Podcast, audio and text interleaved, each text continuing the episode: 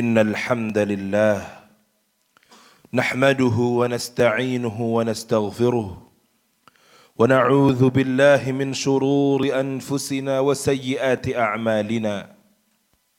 من يهد الله فلا مضل له ومن يضلل فلا هادي له.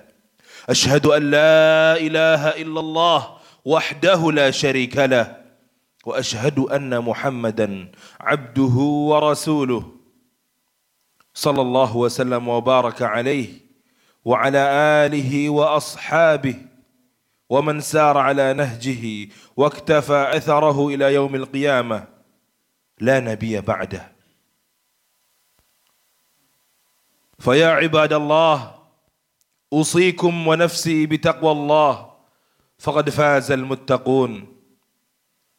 قال الله تعالى في كتابه الكريم يا ايها الذين امنوا اتقوا الله حق تقاته ولا تموتن الا وانتم مسلمون Hai orang-orang yang beriman bertakwalah kalian kepada Allah dengan sebenar-benar takwa wala tamutunna illa wa antum muslimun dan janganlah kalian wafat janganlah kalian mati melainkan dalam keadaan Islam melainkan dalam keadaan berserah diri kepada Allah Subhanahu wa taala.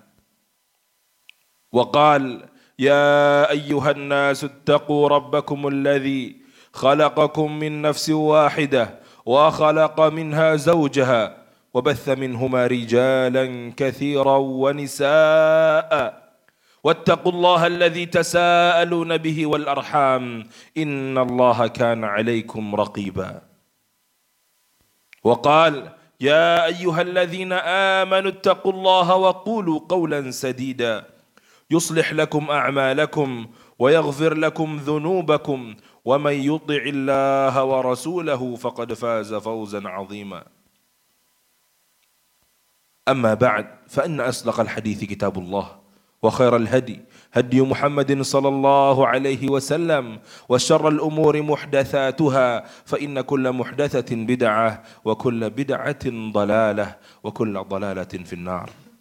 معاشر المسلمين Saudaraku yang berbahagia di hari Jumat ini Semoga Allah merahmati kita semua Sesungguhnya merupakan sebuah sunnatullah bahwasanya Allah pasti akan mengirimkan ujian ataupun musibah kepada hamba-hambanya, khususnya kepada hamba-hambanya yang beriman. Musibah demi musibah terjadi karena ini merupakan sebuah keharusan, sebuah keharusan yang dialami oleh setiap muslim.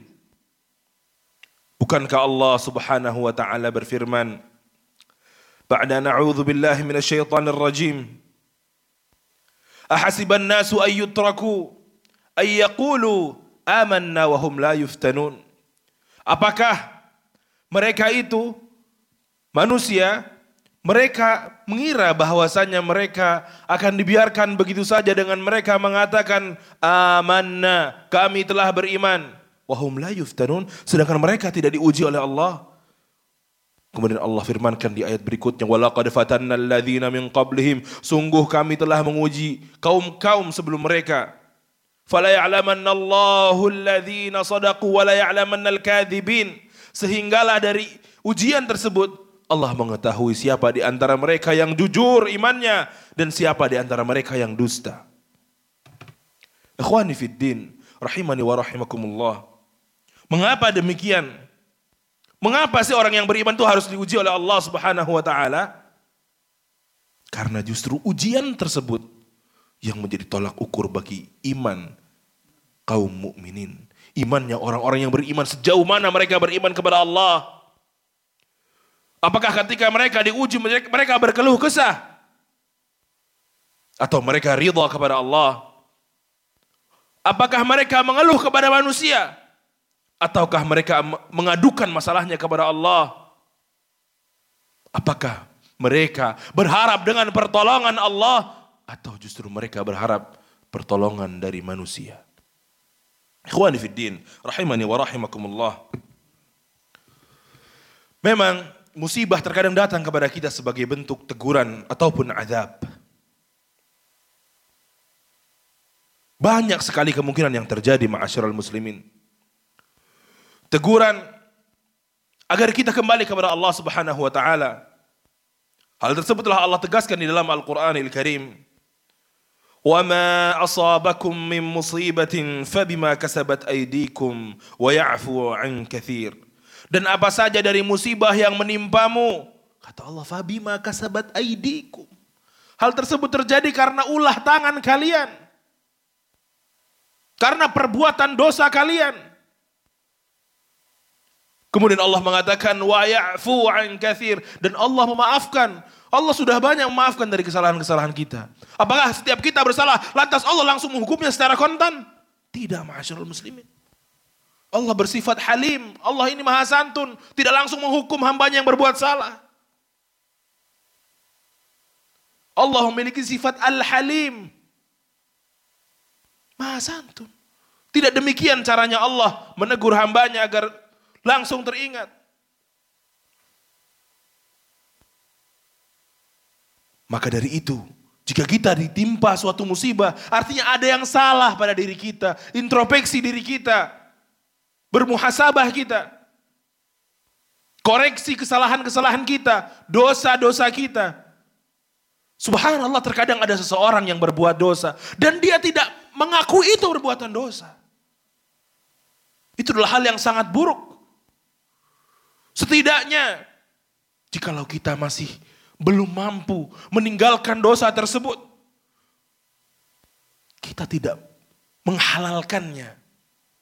Kita tetap menganggap itu adalah perbuatan haram dan kita berusaha semaksimal mungkin untuk menghindarinya.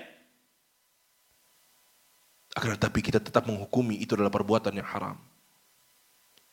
Ikhwani fiddin, rahimani wa rahimakumullah. Namun, namun tahukah kita bahwasanya tidak selamanya musibah itu datang sebagai azab ataupun teguran.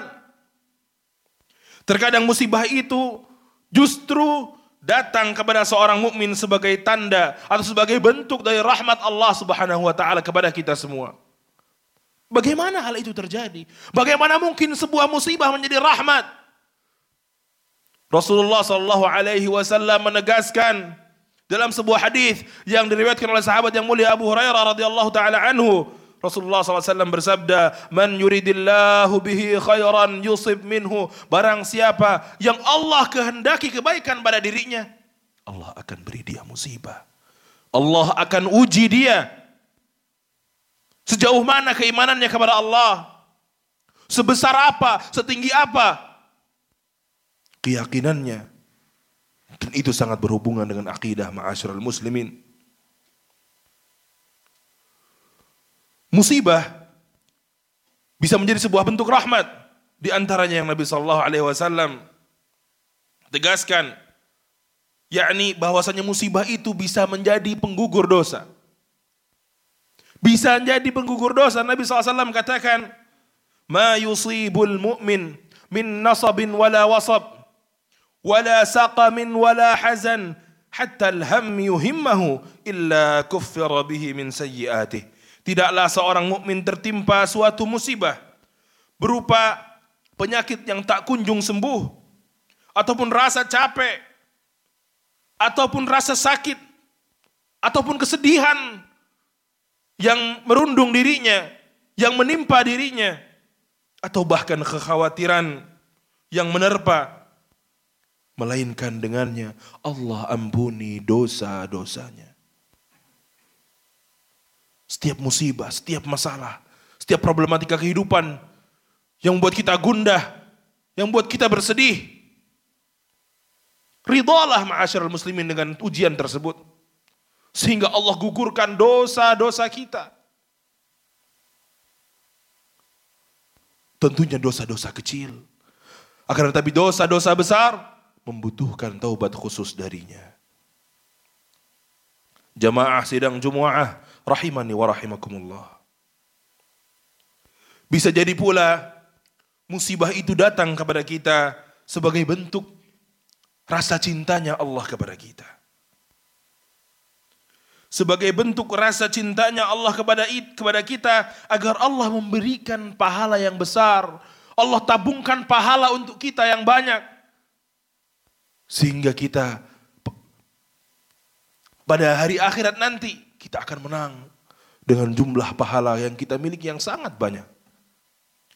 Hal tersebut sesuai dengan hadis Nabi sallallahu alaihi wasallam dari sahabat Anas radhiyallahu taala anhu dari Nabi sallallahu alaihi wasallam beliau bersabda Inna 'idhamal jaza ma'a bala sesungguhnya besarnya ganjaran atau besarnya pahala seorang hamba pada hari kiamat nanti sesuai dengan besarnya ujian-ujian dan musibah-musibah sebesar tergantung dengan besarnya bala yang dihadapi dunia ini.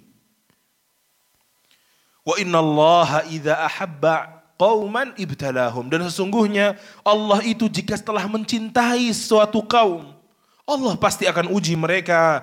Faman radiya falahu ridha wa man sakhita falahu sukht. Barang siapa yang ridha dengan ujian tersebut, maka dia mendapatkan ridhonya Allah. Subhanallah. Dan barang siapa yang murka, dia tidak terima dengan ujian tersebut. Dia berkeluh kesah dan tidak terima dengan ujian tersebut. Tidak terima dengan qadha dan qadar dari Allah subhanahu wa ta'ala. Maka dia juga mendapatkan kemurkaan dari Allah. Na'udzubillah. Ikhwani fid din. Bisa jadi juga musibah yang Allah turunkan kepada kita tujuannya adalah untuk mengangkat derajat kita. Bagaimana hal itu terjadi? Nabi sallallahu alaihi wasallam bersabda, In, "Innal 'abda idza sabaqat lahu min Allah manzilah lam yablughu bi'amalihi ibtalahu Allah fi jasadihi aw fi malihi aw fi waladihi." Sesungguhnya Seorang hamba itu jika telah Allah tuliskan suatu derajat di surga untuknya. Suatu level, suatu kedudukan untuknya di surga. Dan hamba tersebut tidak mampu menggapai dengan amalan-amalannya. Amalannya sedikit ma'asyarul muslimin. Amal salehnya sedikit. Tidak mampu dia mencapai derajat yang tinggi tersebut dengan amalnya. Maka Allah akan mengujinya fi jasadih pada dirinya. Allah uji dirinya langsung. Mungkin berupa rasa sakit, penyakit dan lain sebagainya au fi malihi. Atau pada hartanya Allah uji. Au fi waladi atau Allah uji dia melalui anaknya. Thumma sabarahu ala dhalik. Nah ini yang perlu digarisbawahi. Rasulullah katakan kemudian dia bersabar atas ujian-ujian tersebut. Dia bersabar. Thumma sabarahu ala dhalik. Hatta yablughahu al-manzilah allati sabaqat lahu min Allah. Rawahu Ahmad Kemudian dia bersabar atas ujian-ujian tersebut. Sampai dia dinaikkan derajatnya oleh Allah terus dan terus. Hingga sampai di derajat yang telah Allah tuliskan untuknya. Allahu Akbar.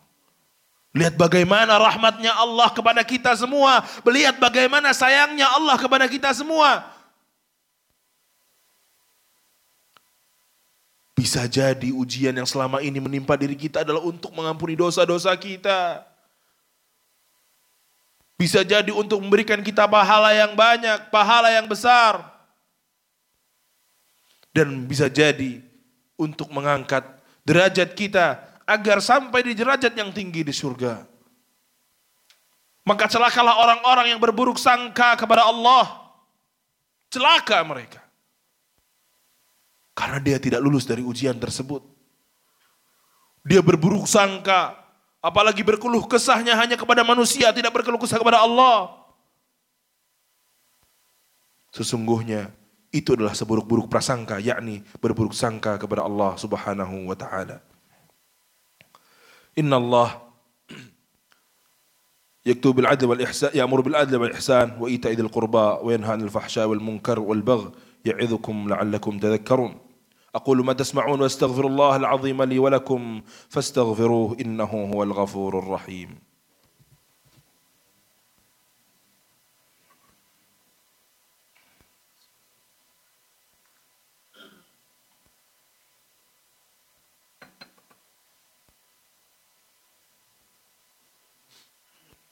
الحمد لله على إحسانه والشكر له على توفيقه وامتنانه والصلاة والسلام على نبينا محمد بن عبد الله وعلى آله وصحبه ومن والاه وبعد معاشر المسلمين sidang Jumat rahimani wa rahimakumullah yang harus kita ketahui dari jenis musibah itu sendiri adalah dua hal adalah dua macam musibah yang pertama adalah musibah yang menimpa perkara dunia seorang mukmin yang yang mana bisa jadi mengakibatkan atau menyebabkan seorang mukmin ini berjalan di, di atas muka bumi tanpa sebuah kesalahan hingga menghadap Allah Subhanahu wa taala. Yakni dengan syarat yang telah kita sebutkan tadi, yakni dia ridha dan dia sabar dengan ujian tersebut. Nabi sallallahu alaihi wasallam bersabda dalam hadis Abu Hurairah ما يزال البلاء بالمؤمن والمؤمنة في نفسه وولده وماله حتى يلقى الله وما عليه من خطيئة Ujian selalu bersama dengan orang-orang yang beriman, baik laki-laki maupun perempuan. Baik musibah di dalam dirinya, atau musibah pada anaknya, atau musibah pada hartanya. Hingga-hingga dia bertemu dengan Allah dan dia tidak membawa satu kesalahan pun. Dia tidak membawa satu dosa pun. Mengapa ma'asyarul muslimin? Karena seluruh dosa-dosanya telah Allah bersihkan di dunia sebelum menghadap Allah Subhanahu wa taala. Hadis ini diriwayatkan oleh Al-Imam At-Tirmizi. Kemudian Selain daripada musibah yang menimpa perkara dunia seorang mukmin adalah jenis kedua, yakni musibah yang menimpa perkara akhirat kita, musibah yang menimpa perkara agama kita. Musibah tersebut adalah musibah yang Nabi Shallallahu Alaihi Wasallam berlindung darinya. Bayangkan Nabi Shallallahu Alaihi Wasallam berlindung darinya kepada Allah Subhanahu Wa Taala. Nabi SAW berdoa, Allahumma la taj'al musibatana fi dinina ya Allah. Janganlah engkau beri kami musibah pada perkara agama kami. Bagaimanakah bentuk-bentuk musibah dalam perkara agama? Yakni dengan dijadikannya hati seseorang menjadi lalai kepada Allah Dicondongkannya hati seseorang kepada kemaksiatan, mencintai kemaksiatan dan membenci ketaatan. Membenci hal-hal yang berbau taat kepada Allah dan mencintai hal-hal yang berbau kufur dan kemaksiatan kepada Allah. Nauzubillah. Wajar Nabi sallallahu alaihi wasallam berlindung darinya. Bahkan Nabi SAW mengatakan kepada para sahabatnya, Fawallahi lal faqru akhsha alaikum demi Allah. Bukan kefakiran yang aku takutkan kepada kalian. Bukan kalian menjadi miskin yang aku takutkan. Aku tidak takut kalian hidup dalam keadaan fakir, kata Nabi sallallahu alaihi wasallam.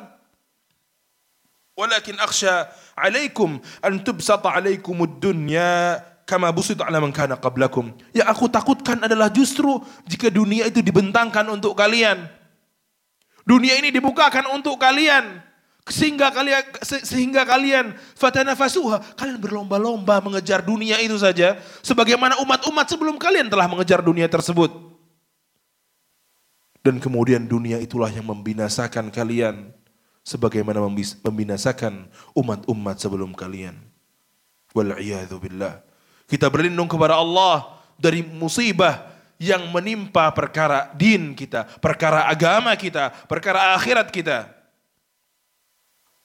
Kita berlindung kepada Allah agar tidak dijadikan oleh Allah hati ini menjadi lalai. Mencintai kemaksiatan dan kekufuran. Jauh dan benci dari ketaatan. Na'udzubillah. Thumma na'udzubillah. Ma'asyarul muslimin. Rahimani wa rahimakumullah. Hendaknya seorang mukmin senantiasa mengambil ibrah, mengambil ibrah atau pelajaran dari setiap musibah yang menimpa dirinya. Memperbanyak istighfar, memperbanyak introspeksi diri kita kepada Allah Subhanahu wa taala. Meminta ampun dari dosa-dosa kita, baik dosa-dosa yang kecil maupun dosa-dosa yang besar. Dosa-dosa yang pernah kita lakukan secara terang-terangan maupun dosa-dosa kita yang kita lakukan secara diam-diam. Ma'asyiral muslimin, semoga Allah menjadikan kita hamba-hambanya yang senantiasa kembali dan mengambil pelajaran dari setiap musibah yang kita alami. Inna Allah wa malaikatahu yusalluna ala nabi. Ya ayyuhalladzina amanu sallu alaihi wa sallimu taslima. اللهم اغفر للمؤمنين والمسلم والمؤمنات المسلمين والمسلمات الأحياء منهم والأموات. إنك سميع قريب مجيب الدعوات. يا قاضي الحاجات. اللهم أعز الإسلام والمسلمين وأذل الشرك والمشركين ودمر أعداء الدين يا رب العالمين. اللهم أرنا الحق حقا وارزقنا اتباعه وأرنا الباطل باطلا وارزقنا اجتنابه. اللهم علمنا ما ينفعنا وانفعنا بما علمتنا. اللهم اجعلنا ممن يستمعون القول فيتبعون أحسنه. اللهم اجعلنا ممن يستمعون القول فيتبعون أحسنه. اللهم لا تجعل مصيبتنا في ديننا. اللهم لا تجعل الدنيا أكبر همنا ولا مبلغ علمنا ولا إلى النار مصيرنا. يا رب العالمين. ربنا لا تزغ قلوبنا بعد إذ هديتنا وهب لنا من لدنك رحمة إنك أنت الوهاب. ربنا ظلمنا أنفسنا وإن لم تغفر لنا وترحمنا لنكونن من الخاسرين. ربنا آتنا في الدنيا حسنة وفي الآخرة حسنة وقنا عذاب النار وقنا عذاب النار. وأدخلنا الجنة مع الأبرار. يا عزيز يا غفار يا رب العالمين. وصلى الله اللهم على نبينا محمد وعلى آله وصحبه وبارك وسلم. أقم الصلاة.